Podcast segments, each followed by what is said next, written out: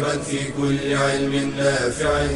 ينمو العلم ويتقدم بتقنياته ومجالاته ومعه نطور أدواتنا في تقديم العلم الشرعي. أكاديمية زاد. زاد أكاديمية ينبوعها. صاف صاف ليروي غلة الظمآن.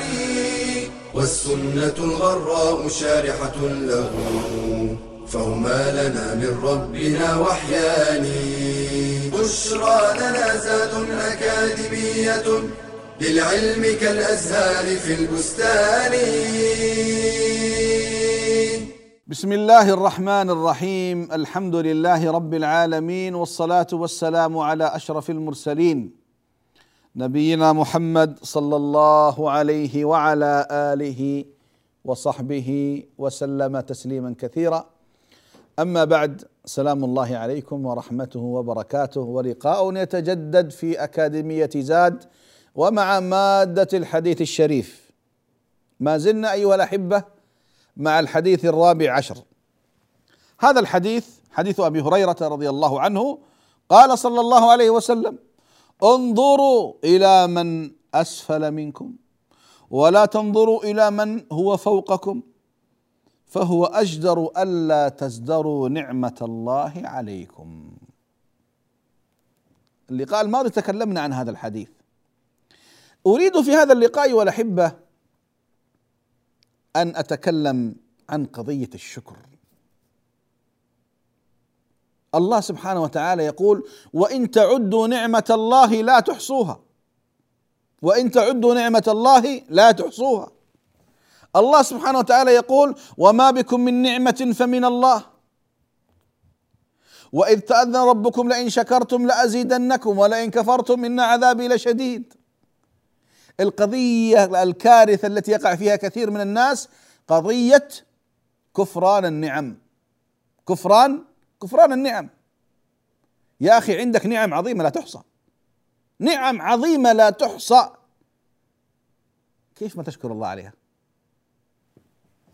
إن الله لذو فضل على الناس ولكن أكثر الناس لا يشكرون. سمعت يا رعاك الله؟ إن الله لذو فضل على الناس وفضل الله عظيم كبير. كبير جدا يا إخواني. ما يمكن عقلك أن يحصيه.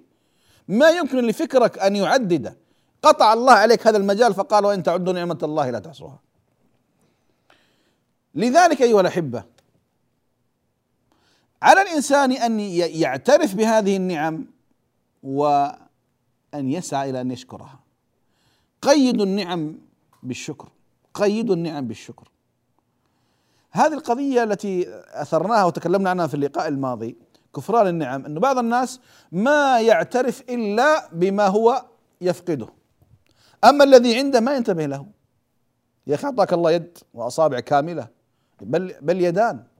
أعطاك الله عينان. يا أخي صحيح أنت تلبس نظارة لكن غيرك أعمى. يا أخي صحيح أنك مثلا عندك ولد وبنت لكن غيرك ما عنده.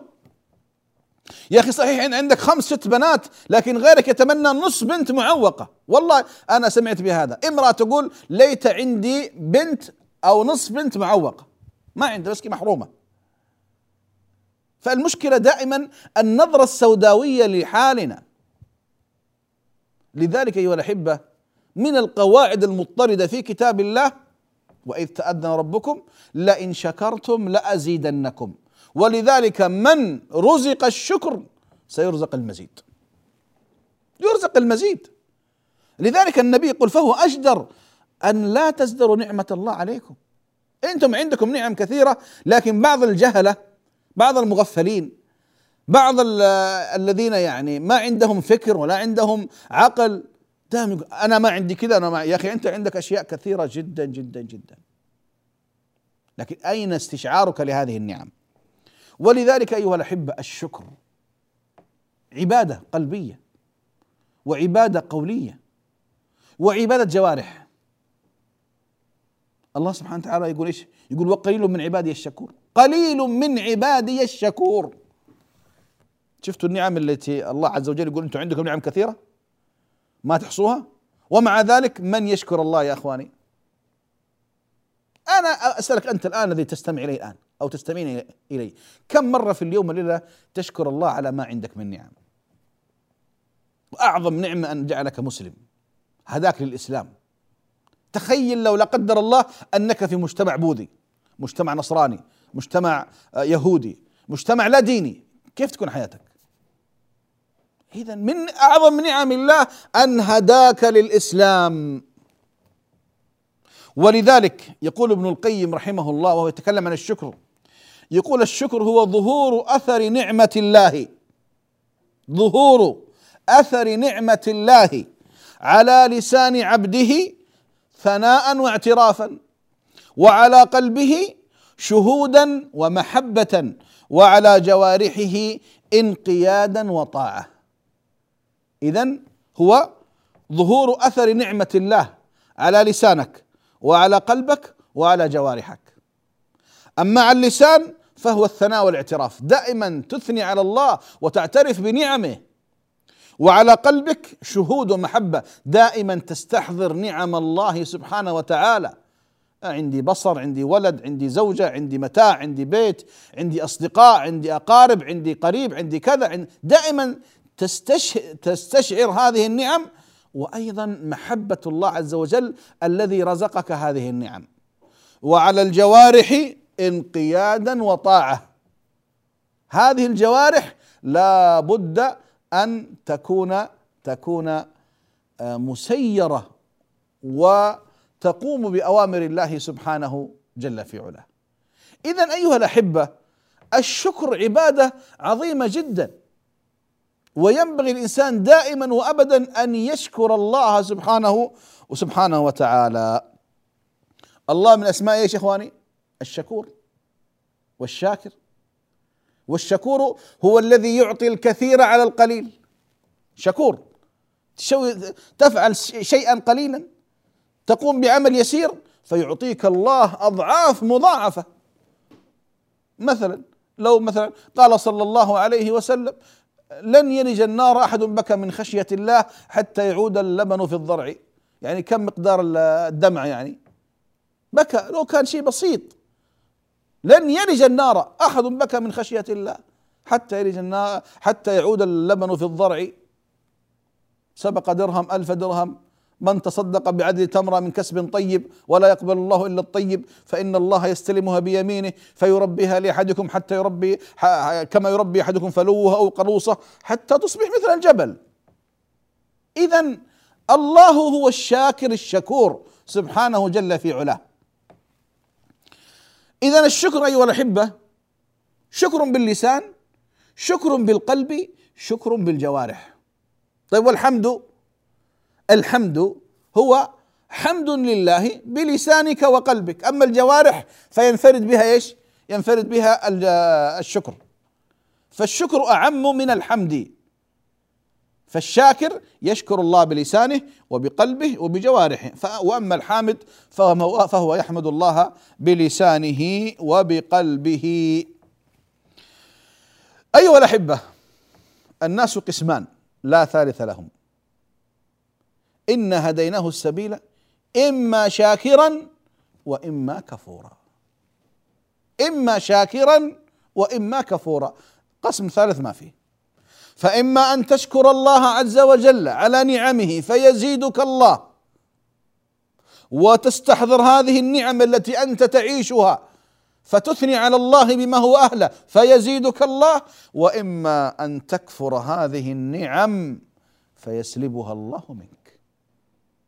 إنا هديناه السبيل إما شاكرا وإما إيش؟ وإما كفورا. قسم ثالث ما فيه. فاصل ثم نعود إليكم بإذن الله وصلى الله على محمد. بشرى لنا زاد أكاديمية للعلم كالأزهار في البستان.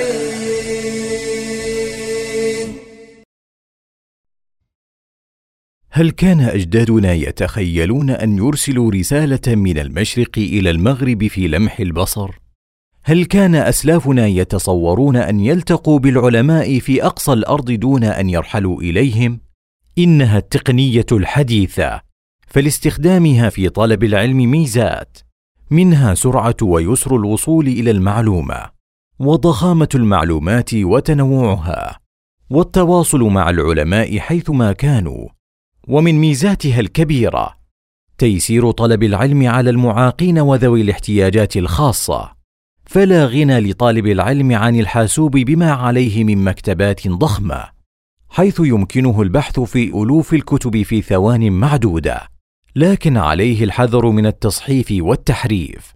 ولا غنى له عن استخدام الإنترنت في أبحاثه لكن عليه أن يوثق المعلومات من المصادر المتخصصة ولا يكتفي بالمنتديات ونحوها والتعليم عن بعد من خلال الإنترنت.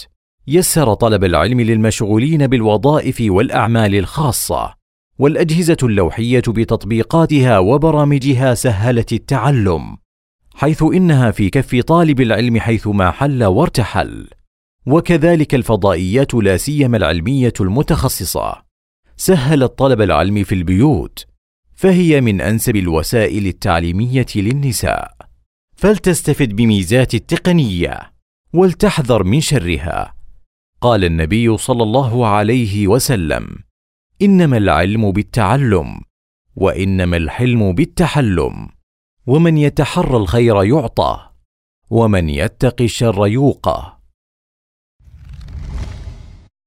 بشرى لنا زاد أكاديمية للعلم كالأزهار في البستان. بسم الله الرحمن الرحيم. الحمد لله والصلاة والسلام على رسول الله وعلى آله وصحبه ومن والاه.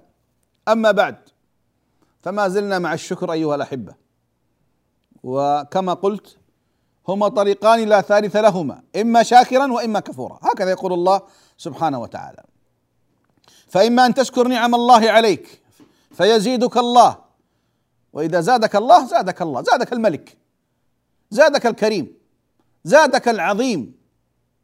وإما أن تكفر بنعم الله فيسحبها الله منك.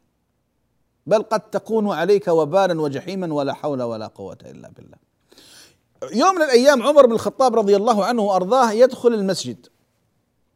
فيجد رجلا يرفع كفه إلى السماء يقول اللهم اجعلني من عبادك القليل. اللهم اجعلني من عبادك القليل. اللهم اجعلني من عبادك القليل. فانتهره عمر. يا رجل ما هذا الدعاء؟ قال يا أمير المؤمنين أما سمعت قول الله تعالى وقليل من عبادي الشكور؟ فعمر كان وقافا. قال أوه يا عمر كل الناس أفقه منك. أوه يا عمر كل الناس أفقه منك. وقليل من عبادي الشكور. أيها الأحبة الله سبحانه وتعالى وعد بالمزيد لمن شكر. وإذ تأذن ربكم لئن شكرتم لأزيدنكم. لذلك تعود وتعود يا أمة الله. ما يأتيكم من رزق صغير أو كبير إلا احمد الله عليه واشكر الله عليه. جاءك كوب ماء اللهم لك الحمد والشكر. جاءك شيء أي رزق يأتيك؟ احمد الله. رأيت نفسك وما عندك من اللهم لك الحمد والشكر فيزيدك. وثق تماما والله إذا رزقت الشكر ليرزقنك الله المزيد. هذا أمر الله وهذا قضاء الله سبحانه وتعالى. قال الله سبحانه وتعالى ولقد أوحي إليك وإلى الذين من قبلك لئن أشركت ليحبطن عملك ولتكونن من الخاسرين. طيب إيش أسوي يا رب؟ قال بل الله فاعبد وكن من الشاكرين. هذا خطاب لمن يا أحبابي؟ للنبي صلى الله عليه وسلم. بل الله فاعبد وكن من الشاكرين يا محمد. شوف كيف يأمر الله نبيه صلى الله عليه وسلم بأن يكون شاكرا؟ ثم القضية المهمة الأخرى ومن يشكر فإنما يشكر لنفسه. يعني هل يا إخواني الله في حاجة لشكرنا؟ الله يعطيك النعم هذه كلها ويحتاج أنك تشكره؟ أبدا الله غني. سبحانه. ملك. أنت عبد. فقير. ما تملك شيء. والله ما نملك شيء كلنا. فالله سبحانه وتعالى الذي أعطاك والذي أغناك والذي أقناك غني عنك. قال الله سبحانه وتعالى حاكيا عن سليمان عليه السلام هذا من فضل ربي ليبلوني أأشكر أم أكفر؟ ثم قال سليمان عليه السلام ومن شكر فإنما يشكر لنفسه ومن كفر فإن ربي غني كريم. هنا الشاهد. ومن شكر فإنما يشكر لنفسه. ومن كفر فإن ربي غني كريم. غني مستغني عن الخلق. كريم يعطي من غنى سبحانه. فإذا حينما الإنسان يشكر فإنما يشكر لنفسه. تشكر الله فيزيدك تشكر فيزيدك تشكر فيزيدك إلى ما لا نهاية. الله غني لكن الله له سنن. له سنن. كلما شكرت الله زادك الله. كيف أشكر الله؟ استحضار النعم التي أنت فيها. حالك. يا أخي بعض الناس في غفلة. شوف الدنيا فيها من الأمراض ما الله به عليم. آلاف يمكن ملايين الأمراض والفيروسات. الله حفظك منها. تقدر تحصي هذه الملايين؟ الناس في ملايين من الابتلاءات. الله حفظك منها. تقدر تحصي هذه الملايين؟ لذلك الله يقول إيش؟ وإن تعدوا نعمة الله لا تحصوها. تلبس ثوبك وتروح تصلي في المسجد. آلاف مؤلفة من البشر ما يقدر يغادر غرفة المستشفى. آلاف مؤلفة في السجون. آلاف مؤلفة ما يقدر يخرج من بيته خوفا وهلعا. قد يقتل في أي لحظة. إذا كلما استشعرت هذه النعم كلما ينبغي أن يزيد شكرك لله عز وجل على هذه النعم. وحمدك له على هذه النعم. ولذلك الإنسان ينبغي دائما يشكر يشكر. قال الله عز وجل ولقد آتينا لقمان الحكمة أن اشكر لله. ومن يشكر فإنما يشكر لنفسه.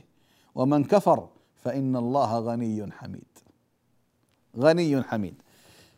غني كريم وغني حميد. ماذا تريد بعد ذلك؟ إذا حينما الإنسان يشكر فهو يشكر الغني.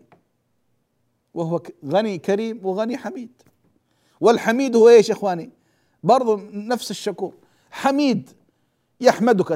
تفعل شيء قليل يعطيك شيء أكبر. اذا الإنسان حينما يشكر هو يشكر لنفسه. ما هو لله سبحانه وتعالى؟ الله سبحانه وتعالى غني عنا. فاذكروني أذكركم واشكروا لي ولا تكفرون. اذا أحبتي في الله الإنسان يشكر الله عز وجل على هذه النعم فيزيده. وكلما نظرت إلى من هو دونك استشعرت نعم الله سبحانه وتعالى. أيها الأحبة الأفاضل النبي صلى الله عليه وسلم يعلم معاذ بن جبل. يعلمه ماذا؟ يقول يا معاذ والله إني لاحبك إذا صليت فقل اللهم أعني على ذكرك وشكرك وحسن عبادتك. اللهم أعني على ذكرك وعلى شكرك وعلى حسن عبادتك. شوف وصية المحب لحبيبه. وهذا المحب أصدق الناس صلى الله عليه وسلم. إني لأحبك. لا تدعن دبر كل صلاة أن تقول اللهم أعني على ذكرك وعلى شكرك وعلى حسن عبادتك. اذا الشكر مطلب. قال صلى الله عليه وسلم لشداد بن أوس يا شداد بن أوس إذا اكتنز الناس الذهب والفضة فأكنز هذه الكلمات. ما هي هذه الكلمات؟ اللهم إني أسألك الثبات في الأمر والعزيمة على الرشد. وأسألك شكر نعمتك وحسن عبادتك. وأسألك قلبا سليما ولسانا صادقا. وأسألك من خير ما تعلم. وأعوذ بك من شر ما تعلم. وأستغفرك لما تعلم إنك أنت علام الغيوب. إذا اكتنز الناس الذهب اكنز هذه الكلمات. أسألك الثبات في الأمر والعزيمة على الرشد. ثم قال إيش؟ وأسألك شكر نعمتك وحسن عبادتك. فالنعم تحتاج شكر يا أحبابي. إذا لم تقيد بالشكر تفر. تفر. قال صلى الله عليه وسلم قال صلى الله عليه وسلم عجبا لأمر المؤمن إن أمره كله له خير إن أصابته سراء شكر فكان خيرا له وإن أصابته ضراء صبر فكان خيرا له وليس ذلك إلا للمؤمن اذا ينبغي دائما أن تشكر الله سبحانه وتعالى حتى يتحقق فيك إيش؟ لفظ إيش؟ وصفة المؤمن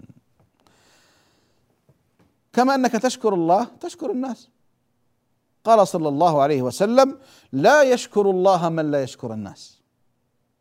حتى الناس يا إخواني يحتاجون أن تشكرهم على ما يقدمون لك من من خدمات أو من معونات أو من مساعدات. فتشكر الله وكذلك تشكر الناس. من عظيم فضل الله علينا يا أحبابي يقول صلى الله عليه وسلم إن الله لا يرضى عن العبد إذا أكل الأكلة فحمده عليها أو شرب الشربة فحمده عليه. يعني هو الان الله هو الذي يرزقك. فتقول اللهم لك الحمد يا رب. ها؟ فيكتب لك مغفرته. ويرضى عنك سبحانه جل في علاه. والذي يأكل طعام فيقول الحمد لله الذي أطعمني هذا ورزقنيه من غير حول مني ولا قوة. ما النتيجة؟ يغفر الله له ذنوبه. اذا نحتاج أن نفعل الشكر في حياتنا. أن نشكر الله دائما. وأن نحمد الله دائما. وأن ندعو الله أن يوفقنا للشكر. كان صلى الله عليه وسلم يقول في دعائه ربي اجعلني لك شكارا. شوف ما بشاكرا شكارا لك ذكارا لك ذاكرا أواها منيبا. فاسأل الله أن يرزقك الشكر ونسأل الله أن يرزقنا الشكر. فاصل. ثم نعود إليكم بإذن الله وصلى الله على محمد. بشرى لنا أكاديمية للعلم كالأزهار في البستان.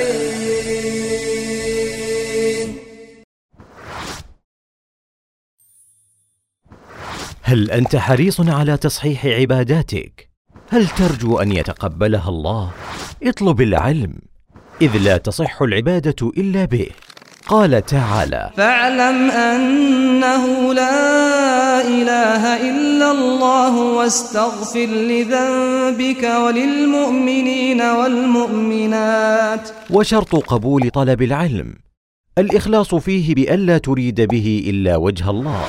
قال تعالى قل إني أمرت أن أعبد الله مخلصا له الدين. وبالإخلاص ترزق صحة الفهم وقوة الاستنباط. قال صلى الله عليه وسلم من يرد الله به خيرا يفقهه في الدين وبالإخلاص يذعن المتعلم للحق ويقبل النقد. قال الذهبي علامة المخلص أنه إذا عوتب لا يبرئ نفسه بل يعترف ويقول رحم الله من أهدى إلي عيوبي. ويجب أن يتوفر الإخلاص في التعلم والتعليم والتأليف. قال أبو داود الطيالسي ينبغي للعالم إذا حرر كتابه أن يكون قصده بذلك. نصرة الدين لا مدحه بين الأقران لحسن التأليف. فأخلص النية واحذر من فسادها. كطلب العلم لأجل المال والثروة أو الجاه والشهرة أو المراء والجدل. فإن ذلك يفسد العمل. قال تعالى وقدمنا إلى ما عملوا من عمل فجعلناه هباء منثورا. بشرى لنا أكاديمية للعلم كالأزهار في البستان.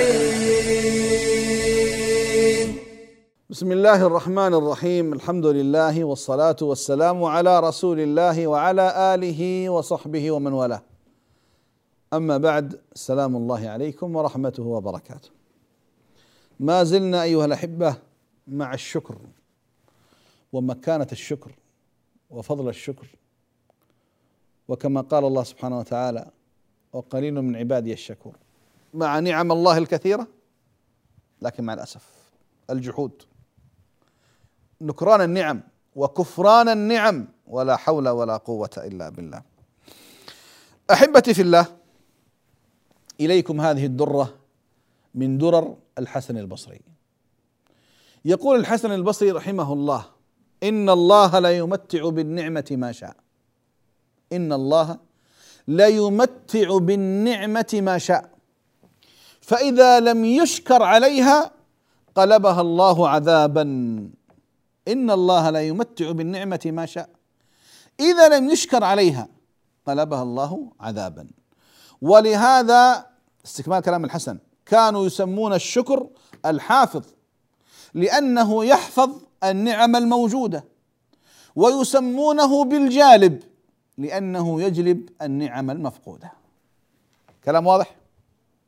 ان الله لا يمتع بالنعمه ما شاء. يرزقك الله نعمه من النعم. إذا لم تشكره عليها قلبها الله عذابا. اضرب لك مثال. واحد يتمنى الولد يا رب ارزقني ذك اولادا ذرية يا رب ارزقني ذكورا. فيرزقه الله الأولاد والأبناء الذكور. فإذا لم يحمد الله على هذه النعمة أن يقوم عليها كما ينبغي وعلى تربيتها كما ينبغي وعلى تعليمها كما ينبغي ها تقلب والعياذ بالله عذاب. يجي يوم من الأيام يقول اللهم عليك بولدي فلان اللهم عليك بولدي فلان. يدعو عليهم يصبح عذابا عليه. إن الله لا يمتع بالنعمة ما شاء. فإذا لم يشكر عليها قلبها الله عذابا. ولذلك كانوا يسمون الشكر بإيش؟ بالحافظ لأنه يحفظ النعم الموجودة. ويسمونه بالجالب لأنه يجلب النعم المفقودة. فالشكر حافظ وجالب. يحفظ ما عندك من نعم موجودة ويجلب لك ما عند ما, ما ليس عندك من نعم مفقودة. كلمة تكتب بماء الذهب. لذلك علينا أيها الأحبة أن نكثر من شكر الله سبحانه وتعالى. اشكر الله على حالك على بيتك على زوجتك على أبنائك على بناتك على وظيفتك على على على هدايه على عقلك يا أخي. على صلاتك على صيامك على قرآنك على ذكرك على على كل نعم الله عليك طيب يجيني واحد يقول يا أخي الشيخ والله النعم كثيرة وش وش أقول؟ النبي صلى الله عليه وسلم علمنا دعاء جميل قال صلى الله عليه وسلم من قال حين يصبح اللهم ما أصبح بي من نعمة أو بأحد من خلقك فمنك وحدك لا شريك لك فلك الحمد ولك الشكر إلا أدى شكر يومه ومن قاله حين يمسي فقد أدى شكر ليلته. في الصباح وفي المساء اللهم ما أصبح بي من نعمة أو بأحد من خلقك فمنك وحدك لا شريك لك فلك الحمد ولك الشكر أنت أديت شكر يومك. وإذا قلته في الليل أديت شكر ليلتك.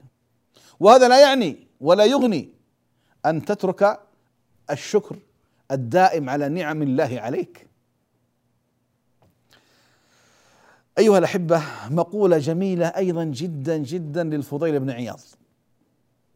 مقولة جميلة للفضيل بن عياض. ماذا يقول؟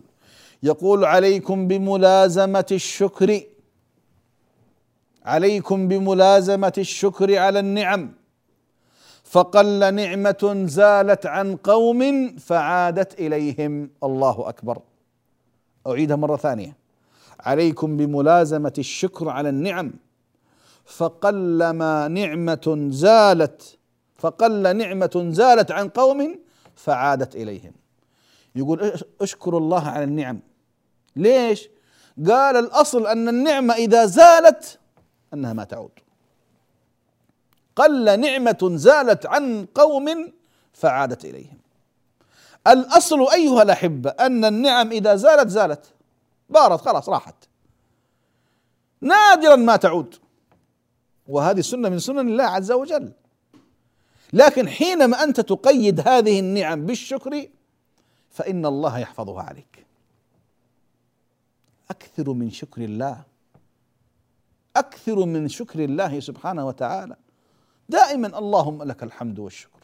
اللهم لك الحمد والشكر على نعمك وعلى أفضالك وعلى رزقك وعلى فضلك وعلى بركتك وعلى عطائك. دائما أشكر الله عز وجل. جاءك رزق جاءك شيء جاءك شيء. أشكر الله. شعرت في نفسك بصحة بعافية بهداية. أشكر الله. تذكر الله سبحانه وتعالى يعطي. يعطي عطاء عظيم جدا. قال الله سبحانه وتعالى ما يفعل الله بعذابكم إن شكرتم وآمنتم. وكان الله شاكرا عليما. ما يفعل الله بعذابكم. إن شكرتم وآمنتم. لذلك أيها الأحبة هذه الوصية من الرسول صلى الله عليه وسلم ما جاءت من فراغ. أغلب الناس في غفلة. يعيشون في نعم عظيمة صباحا ومساء ليلا ونهارا سرا وجهارا. والنفوس غافلة. والألسن فاترة. واستشعار النعم مفقود. ومتى يعرف النعمة؟ إذا زالت. إذا زالت النعم. لذلك أيها الأحبة من أسباب المحافظة على النعم ترك الذنوب والمعاصي. إذا كنت في نعمة فرعها فان فإن الذنوب تزيل المعاصي تزيل النعم. الذنوب. اذا أحبتي في الله شكر الله.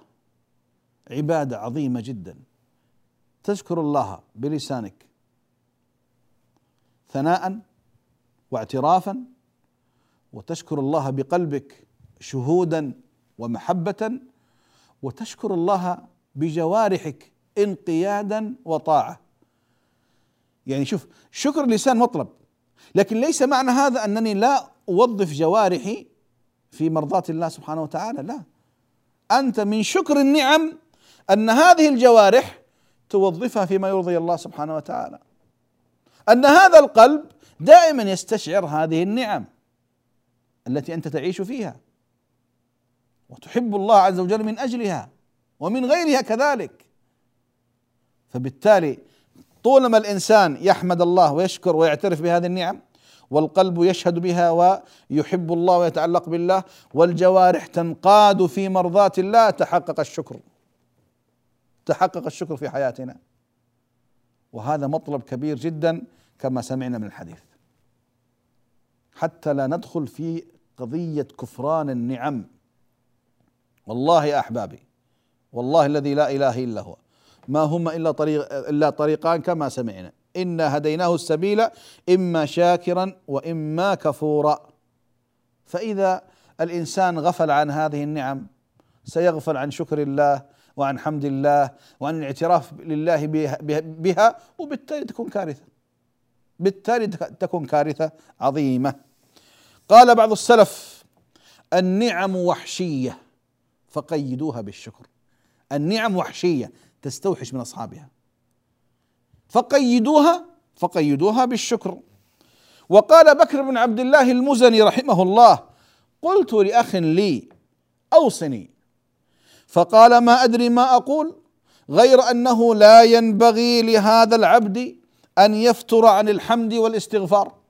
فإن ابن آدم بين نعمة وذنب ولا تصلح النعمة إلا بالحمد والشكر ولا يصلح الذنب إلا بالتوبة والاستغفار. دائما كن إيش؟ دائما شاكر لله حامدا لله مستغفرا تائبا لله. فأنت إما بين نعمة تحتاج أن تقيد بالشكر أو ذنب يقع منك تحتاج التوبة والاستغفار. أحد الصالحين استأجر حمالا. وكان هذا الحمال طوال الطريق. الحمد لله أستغفر الله. الحمد لله أستغفر الله. فلما وصل الحمال إلى دار العالم قال له العالم أنت ما عندك إلا الحمد لله أستغفر الله. قال لا أنا أحفظ القرآن كاملا. ولكني أعلم أنني بين أمرين. إما نعمة من الله تحتاج أن أشكر الله عليها أو ذنب أو ذنب مني يحتاج أن أستغفر الله عليه. فقال يا فلان حمال أفقه منك حمال أفقه منك. اذا أيها الأحبة وصية النبي صلى الله عليه وسلم حتى لا نكفر نعم الله علينا. دائما انظر إلى من هو دونك. في الدنيا. لا تنظر إلى من هو فوقك. فإنه أجدر ألا تزدر نعمة الله سبحانه وتعالى. نعم الله كثيرة علينا يا أحبابي. نقيدها بالشكر والحمد لله سبحانه وتعالى. والله سبحانه وتعالى هو الشكور هو الشاكر سبحانه وتعالى لعباده. ويعطي الكثير على القليل لأنه هو الغني الحميد. ومن يشكر فإنما يشكر لنفسه. أسأل الله سبحانه وتعالى بأسمائه وصفاته أن يرزقنا جميعا علما نافعا ورزقا واسعا وشفاء من كل داء. ونسأله سبحانه وتعالى أن يثبت أقدامنا وأن يهدي قلوبنا وأن يشرح صدورنا وأن يغفر لموتى المسلمين. وصلى الله على محمد وعلى آله وصحبه وسلم والحمد لله رب العالمين. يا راغبا في كل علم نافع. متطلعا لزيادة الإيمان وتريد سهلا النوال ميسرا يأتيك ميسورا بأي مكان. زاد زاد أكاديمية ينبوعها صاف صاف ليروي غلة الظمآن والسنة الغراء شارحة له. فهما لنا من ربنا وحيان بشرى لنا زاد أكاديمية للعلم كالأزهار في البستان.